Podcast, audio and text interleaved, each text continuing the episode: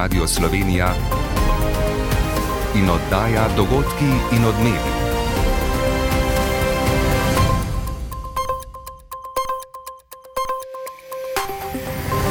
Ura je 15 in 30 minut. Dober dan. Lepo pozdravljeni.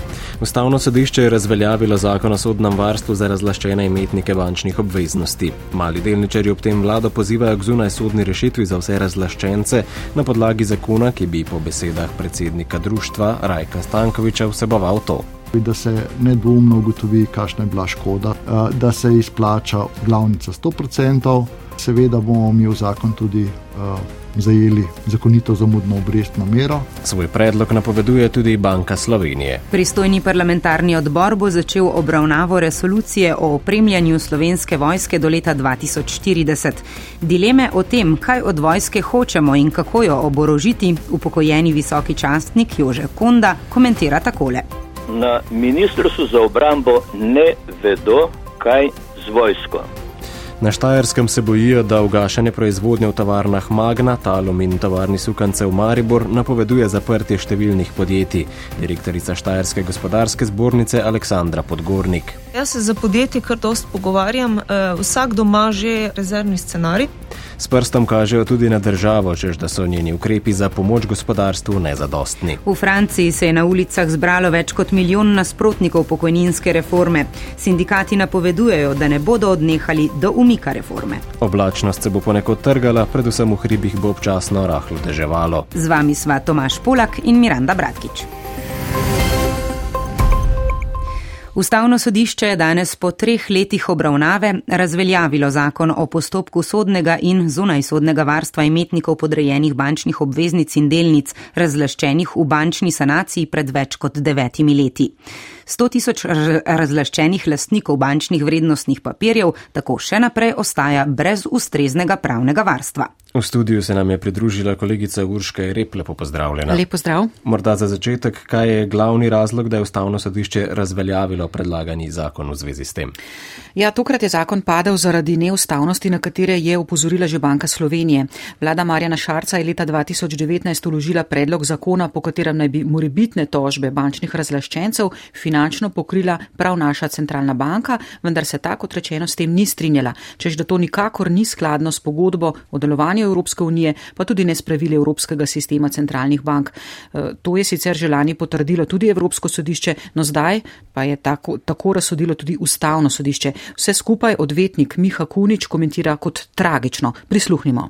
Zakaj? Ker dokazuje, da je Slovenija nepravna država že od leta 2013, ko je bilo preko 100 tisoč ljudem poseženo v njihovo lasninsko pravico in nobena izvršilna veja oblasti do sedaj, noben sklic državnega zbora ni uspel spisati um, zakona, ki bi sploh dal na voljo pravno sredstvo. Kaj to zdaj pomeni za nekdanje imetnike bančnih delnic in obveznic? Ja, 100 tisoč lastnikov delnic in podrejenih obveznic saniranih bank, ki so skupno izgubili 960 milijonov evrov, je zdaj spet na začetku. So na istem položaju kot pred devetimi leti, ko jih je država razlastila. Ustavno sodišče je sicer državi danes spet naložilo, da mora v šestih mesecih to rešiti. Na kakšen način, ni znano. Čakamo na odziv finančnega ministerstva. Se je pa odzval predsednik Društva malih delničarjev Slovenije, Rajko Stankovič. Po njegovem je edina smiselna rešitev ta hip poravnava, brez poravnave tudi napovedana izdaja ljudskih obveznic, kot pravi, ni verodostojna. Poslušajmo. Torej, si ne predstavljam, da bo kdorkoli od državljanov vložil, ki je bil, bom rekel, izbrisan delničar ali obvezničar v to ljudsko obveznico, kljub temu, da bojo verjeten mikavni pogoji, če predhodno ne bomo uredili tega vprašanja. Zato uh, menim, da je smiselno oblikovanje izvensodne poravnave. To se lahko naredi v obliki zakona, ki ga lahko pripravi finančno ministrstvo vlada. Kaj pa, če to ne bo šlo, če torej vlada ne bo ponudila poravnave? No, v tem primeru bodo mali delničari Slovenije zbrali 5000 podpisov in bodo svoj predlog zakona neposredno vložili v državni zbor, saj tako je bilo danes razumeti Rajka Stankoviča. V tem zakonu bojo tri postavke, eh, se pravi, da se nedvomno ugotovi, kakšna je bila škoda storjena, da se izplača vsem, tako delničarjem kot obvezničarjem, glavnica 100%, Seveda bomo mi v zakon tudi zajeli zakonito zamudno obrestno mero, zato mislim, da je smiselno, da vlada Republike Slovenije to naredi sama in ponudi neko kompromisno rešitev, ki bo v dobro vseh državljanov in tudi vlade Republike Slovenije. Vsega v bančnih razlaščencih se torej žal nadaljuje. Res je in mi jo spremljamo. Z nami je bila Gurške rep, hvala lepa. Nadaljujemo z interpelacijo o delu celotne vlade, ki jo je prejšnji teden vložila SDS. Ta bo prinesla še malce več razlik v delovanje parlamentarne opozicije. Predsednik SDS Janas Janša je interpelacijo napovedal kot razpravo o vsem, kar je vlada Roberta Goloba naredila narobe ali slabo v nekoliko manj kot letu in tako morda doseči kašen premik. Predsednik NSI Matej Tonin pa je danes postregel z novo smerjo stranke, ki jo vodi. V zdajšnjih parlamentarnih razmerih bo NSI, kot pravijo v stranki, postala postala opozicijska stranka, ki se bo umaknila od nenehnega kritiziranja in bo zagovarjala pot za in ne proti, torej bo stranka, ki namerava s koalicijo tekmovati v dobrih idejah. Več v prispevku Tomaža Celestine. NSI, tako Matej Tonin, se na lastnih napakah tudi učini interpelacijo proti ministrici za kulturo Asti Urečko, ki je niso uspeli vložiti, zdaj nadomeščajo s štirimi predlogi, ki bi pomagali urediti zaplete okrog muzeja slovenske osamosvojitve in jasno o prihodnjem delovanju opoziciji. S kritizerstvom, eh, samim rušenjem in nasprotovanjem se ne da navduševati ljudi, se ne da spreminjati stvari, predvsem pa se ne da zmagovati. In eh, ko bomo vsi skupaj usvojili to točko, potem bo desna sredina znova začela zmagovati in v Novi Sloveniji čutimo pač dožnost, da če drugi tega ne vidijo, da mi sami naredimo prvi korak v to smer. Interpelacijo delo vlade, ki ne bo prinesla ničesar, jih tako ne zanima. Da sklepov po njej ne bo je jasno tudi iz besed Jane Zajanše. Interpelacija je po uh, ustavi, pa tudi po normah v običajnih ali pa v normalnih parlamentarnih demokracijah, razprava. Ali po tej razpravi sledi predlog sklepa ali ne, se običajno odloči potem, ko se sliši tudi odgovor vlade. Da bo razprava vseeno burna, pa govori tudi nastop podpredsednika vlade Daniela Bešiča Loredana. Upam si tudi trditi, da je uh, predsednik stranke torej SDS-a šel preko meja zdravega razuma. V Sloveniji smo do zdaj doživeli že več kot 50 interpelacij, odnesle so samo dva ministra. Tako ne preseneča stališče ustavnega pravnika Francija Grada. Da je to po eni strani je in je močno orožje opozicije in opozicija mora imeti močno orožje, če naj parlamentarni sistem demokratično deluje. Ampak ne pa taka, ki so dobesedo farsa, ki ničemu ne služijo. Razprava ob interpelaciji o delu vlade. Vlada ima zdaj na voljo 30 dni za pripravo odgovora, bo na vrsto prišla konec aprila ali v začetku maja. Parlamentarni odbor za obrambo bo čez dobri dve uri začel obravnavo resolucije o dolgoročnem opremljanju slovenske vojske do leta 2040. Poleg hkratne izgradnje bataljonske bojne skupine in izvidniškega bataljona, resolucija predvideva tudi nakup dodatnega transportnega letala in helikopterjev. Do leta 2030 naj bi prišli tudi do dveh odstotkov BDP-ja za obrambo. Za nekaj več informacij pa je z nami Robert Škarjanc. Robert, pozdravljen. Ja, lep pozdrav. Resolucija bo kljub nasprotovanju levice sprejeta, to že vemo, glasove za bodo pa vse verjetnosti namreč dali tudi opozicijski SDS in NSI. Ja, tako je, da bo resolucija sprejeta že vnaprej. Jasno je pa pod vprašanjem, kako jo bomo izvajali v prihodnje. Ne? Resolucija je namreč nezavezujoč dokument, tako da je vse skupaj bolj odvisno od tega, kateri projekti bodo sploh zavedeni v prihodnih proračunih, sploh glede na že napovedane obsežne izdatke te reforme, nekatere so vezane na načrt za okrevanje in odpornost, za katere se za zdaj le ugiba, koliko naj bi stale in od katerih bo najverjetneje odvisna notranja politična usoda Roberta Goloba. No, nekatere odgovore pa lahko bi dobili že v spomladi, ko bi bili eh, nekako narejeni rebalansi proračuna, ki je nujen že zaradi prerasporeditve prvic porabe med starimi in novimi proračunskimi uporabniki, ki so nastali z uveljavitvijo nove zakona oziroma novele zakona o vladi. Vse glasnejša pa so tudi opozorila, da se bomo znašli v položaju, ko bo vojska imela veliko denarja, a ne bo vedela, zakaj bi ga porabila oziroma kaj sploh potrebuje. Ja, tako je. Žal še vedno nimamo širšega konsenza, predvsem pa jasnega odgovora, kakšno vojsko hočemo in zato tudi dilema, kakšno upremo in obrožitev rabi, ali se bomo torej obraževali za obrambo suverenosti in integritete Slovenije ali za potrebe NATO.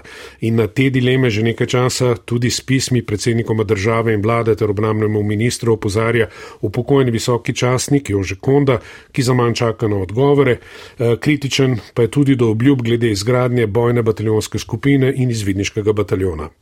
Bojna skupina se oblikuje po potrebi na bojišču, ne pa po formaciji, ker ne moreš predvideti vnaprej, v kakšni bojni situaciji se bo ta skupina znašla. Ali bo potrebovala več eh, oklepa, več artilerije, več zračne podpore, ali bo imela zagotovljen umik, ali bo žrtvovana. Se pravi, eh, o bojni skupini govoriti kot o formacijski bojni enoti je neprimerno, najblaže rečeno. No, kot četrdi konda na ministrstvu za obrambo sploh ne vedo, kaj bi počeli z vojsko. Razlog za to pa naj bi bil v tem, da se ob vsaki menjavi vlade pripravlja nov program razvoja vojske, za katerega pa je pomembno zgolj to, da bo všečen ministru. Slovenski javnosti pa se prodaja meglo, govori se o pojmih in ne o stvarih, še najmanj govora pa je o ljudeh in ti so veliko večji problem, kot pa nesmiselno favoriziranje te ali one vrste oklepnikov. Robert Karjanc, hvala. Z veseljem. Veliko skrbi vzbuja ugašanje proizvodnje v treh tovarnah na Mariborskem območju. To je slaba novica za štajersko gospodarstvo, saj je lahko začetek vala zapiranja podjetij ali njihove selitve v tujino, opozarjajo pri štajerski gospodarski zbornici. Razloge vidijo ne le v razmerah na svetovnem trgu, ampak tudi v gospodarski politiki naše države, ki v primerjavi z drugimi državami premalo pozornosti namenja energetski krizi. Podrobnosti Vesna Martinec. Magna, tovarna sukoncev ANI Europe in Kidričus Kitalum so napovedali ukinjanje oziroma krčenje proizvodnje. Te novice pa vzbujajo negotovost tudi v lokalni skupnosti. Mariborski župan Saša Arsenovič. Da se poslovni subjekti zapirajo, je v poslu normalno. Ni pa fajn, če se zgodijo tri stvari naenkrat. Da so omenjena tri podjetja le začetek vala zapiran, ocenjuje direktorica Štajerske gospodarske zbornice Aleksandra Podgornik. Bojim se seveda, da je to šele začetek. Jaz se za podjetje kar dost pogovarjam, vsak doma že rezervni scenarij. Na gospodarskem ministrstvu si želijo to preprečiti, a imajo na voljo malo orodij, pravi državni sekretar Mateuš Frangeš. Vsakdo, ki v tem hipu razmišlja o tem, da bi proizvodnjo zaustavil ali jo preselil drugam, seveda državi to ni v interesu, pripravljeni smo se pogovoriti z vsakom, pogledati, kje so razlogi za težave in ugotoviti, ali lahko pri težavah, seveda z zelo omejenim naborom orodij, tudi pomagamo.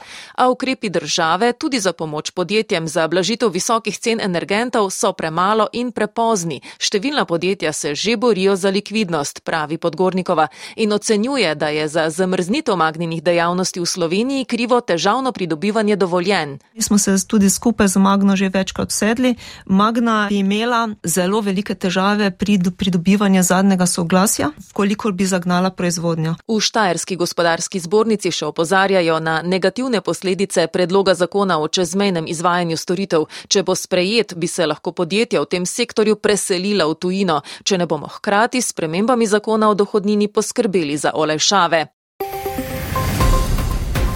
Mi se zdaj selimo k dogajanju na tujem. Ulice francoskih mest so preplavile množice protestnikov, ki nasprotujejo pokojninski reformi. Bahmut ostaja v spredi vojne v Ukrajini, obe strani napovedujeta nadaljevanje srditega boja za to mesto. Na nadaljevanju zasedanja kitajskega ljudskega kongresa na zahod letijo ostre obtožbe. Pri nas Tavčarjevo leto, s katerim zaznamujemo stoto obletnico smrti pisatelja Ivana Tavčarja, bo zlasti v Poljanski dolini postreglo številnimi dogodki. Takšen bo poklon visu. Visoškemu gospodu, predsednica programskega odbora Urška Perenič. Po spredju njegovo pisateljsko, literarno delo. A ne le to, podrobnosti pa v nadaljevanju. Po vsej Franciji danes v novič potekajo stavke in množični protesti proti reformi pokojninskega sistema, ki jo je predlagala vlada predsednika Emanuela Macrona. Na ulicah francoskih mest naj bi se po pričakovanjih zbralo skupno več kot milijon protestnikov. Stavke so znova ohromile tudi javni promet v državi.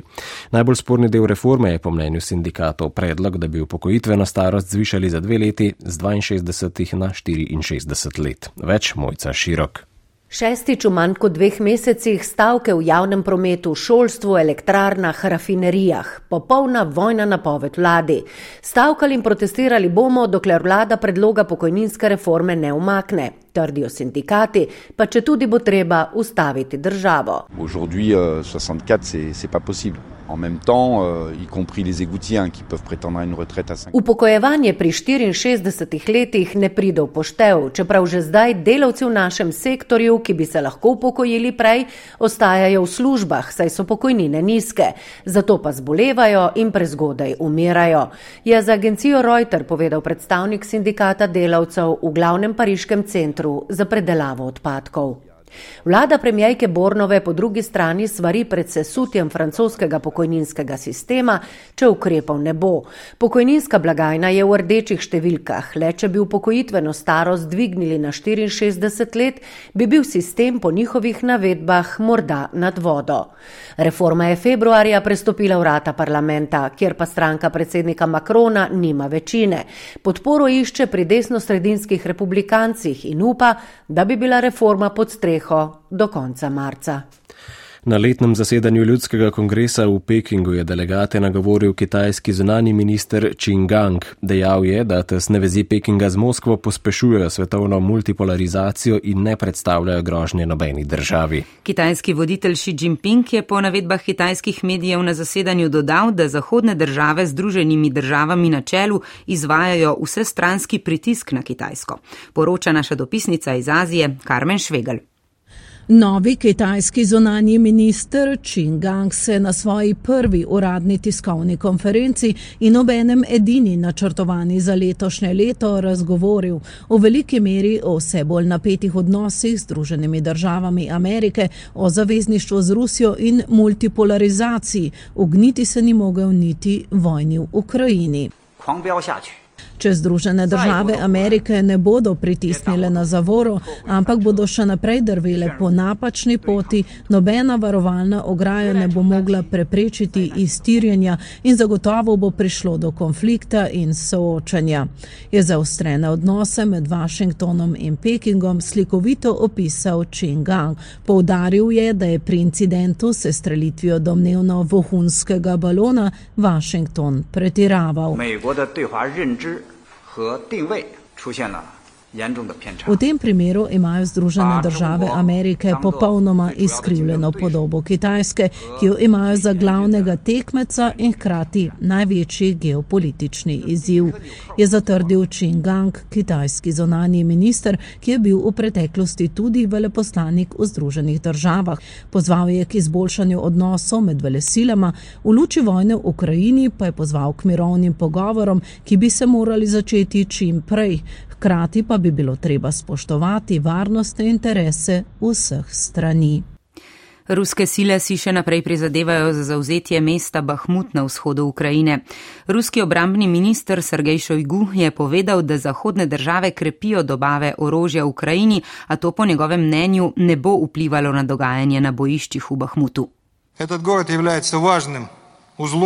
Mesto je po njegovih besedah pomembno vozlišče ukrajinskih sil v regiji Donbas.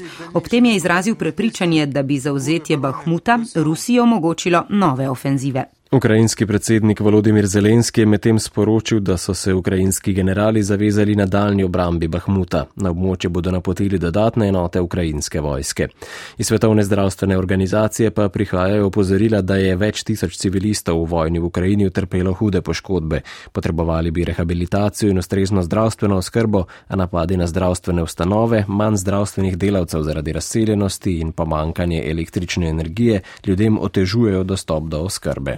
V Gruziji je napeto zaradi predloga novega zakona o tujih agentih, ki ga je predlagala vladajoča stranka Gruzijske sanje. Zakonu ostro nasprotuje opozicija, ki opozarja, da so se predlagatelji zgledovali po ruskem zakonu o tujih agentih, ki je otežil delovanje medijev, opozicijskih strank in nevladnih organizacij. Med razpravo je med poslanci izbruhnil pretep, poroča vlasta Jeseničnik. Če bo zakon sprejet, se bodo morali vsi gruzijski neodvisni mediji in nevladne organizacije, ki prejemajo več kot 20 odstotkov finančnih sredstev iz tujine, registrirati kot tuji agenti. Če tega ne bodo storili, jim grozita denarna in celo zaporna kazen. Predlagatelji zakona trdijo, da morajo ljudje vedeti, iz katerih virov se financirajo organizacije. Njegovi nasprotniki pa opozarjajo, da želi vlada zatreti neodvisne medije in civilno družbo. This law we see as a disaster. Ta zakon je za Gruzijo katastrofa. Tako se je začelo v Rusiji in tja nas vodi naša vlada. Ta zakon je resna ovira za evropsko prihodnost Gruzije in prihaja v trenutku, ko Gruzija pričakuje status kandidatke za članstvo v Evropski uniji. Ruska zakonodaja, ki jo predlagajo v parlamentu, je v nasprotju z nacionalnimi interesi Gruzije, je v nasprotju z našimi evropskimi težnjami, sta izjavila predstavnika opozicije. Gruzija, ki lovi ravnotežje med Rusijo in Zahodom zaradi ruske invazije na Ukrajino, ni uvedla sankcij proti Rusiji. Okoljske nesreče razburjajo ameriško javnost. V Združenih državah je po podatkih zvezdne vlade približno 12 tisoč industrijskih objektov, ki skladiščijo večje količine izjemno nevarnih kemičnih odpadkov. Nevarne snovi so v okolje izpuščene skoraj vsak drugi dan, v prvih dveh mesecih tega leta je bilo najmanj 30 izpustov. Največji se je zgodil med iztirjenjem tovornega vlaka na vzhodu države Ohio v začetku februarja. V ameriški javnosti bijajo plat zvona, kritike pa letijo zlasti na oblasti v Ohio ter tudi na zvezdnega ministra za transport, nekdanjega predsedniškega kandidata Pita Butičeđa. Iz Washingtona Andrej Stopar. Ohio je pomembno ameriško železniško vozlišče, zato je verjetnost transportnih nesreč tam povečana. Pa vendar je nenavadno, da sta zgolj v mesecu dni iztirila dva vlaka, v zadnjih petih mesecih pa je bila sobotna nesreča pri Springfieldu že peto iztirjenje vlaka iste družbe Norfolk Southern. Skupina za nevarne materijale okrožja Clark, družba Norfolk Southern in Agencija za varovanje okolja Ohio so neodvisno drug od drugega preiskali prizorišče nesreče in potrdili, da ni prišlo do uhajanja nevarnih snovi v okolje, nobenih znamen uničenja okolja ali tvegan za javnost ni. Načelnica okrožne službe za izredne razmere Michelle Clement Spitstek je skušala biti kar se da prepričljiva. V Springfieldu so bile med iztirjenimi vagoni štiri cisterne, a prazne in tudi predtem niso prevažale nevarnih snovi. V mesecu East Palestine, nedaleč od meje med Ohajem in Pensilvanijo na začetku februarja, niso imeli te sreče. Nevarne kemikalije so se tam pri nesreči unele, deloma pronicale v zemljo, zato posledice nosi širša okolica. Guverner Ohaja Mike Devine. Naš cilj je zagotoviti varnost tukajšnji skupnosti, ampak tega se ne da storiti čez noč. Teh zadev ne morete tako hitro spraviti od tod. Pomoč je ponudila tudi okoljska aktivistka, legendarna odvetnica Erin Brokovič. Imate simptome, imate težave, želite, da vas slišijo, ampak vse čas vam bodo zagotavljali, da ste varni, dopovedovali vam bodo, naj vas ne skrbi. Ampak vse to so neumnosti, kajte skrbelo vas bo. Skupnosti želijo, da se jih vidi in sliši. Iz Bele hiše so sporočili, da predsednik Joe Biden zaenkrat ne namerava na prizorišči nesreč v Ohio, a je napovedal veliko sprememb po zakonodaji, ki ureja področje transportne varnosti. Dogodki in odmevi. V Poljanski dolini na dvorcu Visoko so pripravili prvega v vrsti dogodkov, s katerimi bomo letos zaznamovali Tavčarjevo leto. Ob stoti obletnici smrti tega vsestranskega literata, politika, pravnika in ustanovitelja številnih kulturnih in športnih društev se bo tako do konca leta zvrstilo veliko dogodkov. Prispevek Romane Rjavec. Ivan Tavčar je bil izjemen svetovljan, napreden človek vsestranskih zanimanj in talentov. V življenju je s tem, kar je ustvarjal in počel, podiral določene tabuje in s tem družbo pomikal naprej, je na današnji predstavitvi povedal državni sekretar na Ministrstvu za kulturo Matej Ščelik Vidmar. In zato se nam zdi Tavčarjevo leto predvsem lepa priložnost, da se ob praznovanju povežejo in van vključijo različni resorji. Da se na ta način pokaže, da je kultura temelj slovenske družbe, ampak da se pa z njo povezujejo tudi šolstvo, tudi turizem, tudi šport in tudi znanost. kar se bo v tem letu pokazalo tudi v prepletu različnih dogodkov, dodaja predsednica programskega sveta Vseslovenskega Tavčarjevega leta Urška Perenič. To se pravi, da bo v spredju njegovo pisateljsko, literarno delo, potem pa tudi njegova odvetniška, pravniška dejavnost, eh, njegovo politično življenje in tudi njegova vloga v slovenskem gospodarstvu. Številni dogodki bodo povezani tudi z njegovo Poljansko dolino, kjer se je Tavčar rodil in preživel zadnja leta in kjer se je, ne nazadnje, rodila tudi pobuda za praznovanje. Kot pravi župan občine Gorenja Vas Poljane, si od tega veliko obetajo. Da Tavčarja ponovno predstavimo, to je vse največje odvisno od nas in pa seveda to je pa tudi prepoznavnost in pa promocija Poljanske doline oziroma tam, kjer je Tavčar bil rojen in kjer je tudi največ ustvarjal. Vse prireditve, ki se bodo zvrstile v tem letu, so zbrali v posebni knjižici, ki so jo naslovili kar poklon visoškemu gospodu. Osrednja slovesnost ob Tavčarjevem letu pa bo konec maja v Gorenji vasi. Ponovimo odločitev ustavnega sodišča, ki je v celoti razveljavilo zakon o postopku sodnega in zunajsodnega varstva razlaščenih imetnikov delnic in obveznic v bančni sanaciji pred desetimi leti. Kot je ugotovilo sodišče, je neustavno, da zakonodajalec Banki Slovenije nalaga obveznost plačila odškodnin, saj je centralna banka po ustavi samostojna in neodvisna. Ob tem so ustavni sodniki opozorili, da je z odločitvijo nastala pravna praznina, saj nekdani podrejenci nimajo učinkovitega sodnega varstva. Z Ministrstva za finance so med dodajo sporočili, da bodo razveljavitev omenjenega zakona preučili in na podlagi tega prednostno pristopili k pripravi novega zakona. Kot če pravijo, so že med odločanjem o ustavnosti zakona začeli iskati procesne rešitve, ki bodo omogočile učinkovit postopek sodnega varstva. Dogodki in odmevi bodo v aplikacijah za podkaste skupaj s športom, v katerem v začetku četrtfinalne serije jeseniških hokejistov v Alpski ligi, nadaljevanju nogometne lige prvakov in prihajajočih dveh kvalifikacij kvalifikacijskih izzivih slovenske rokometne reprezentance. Z vami bo Marko Cirman, lepo nadaljevanje dneva vam želimo. Nasvidenje.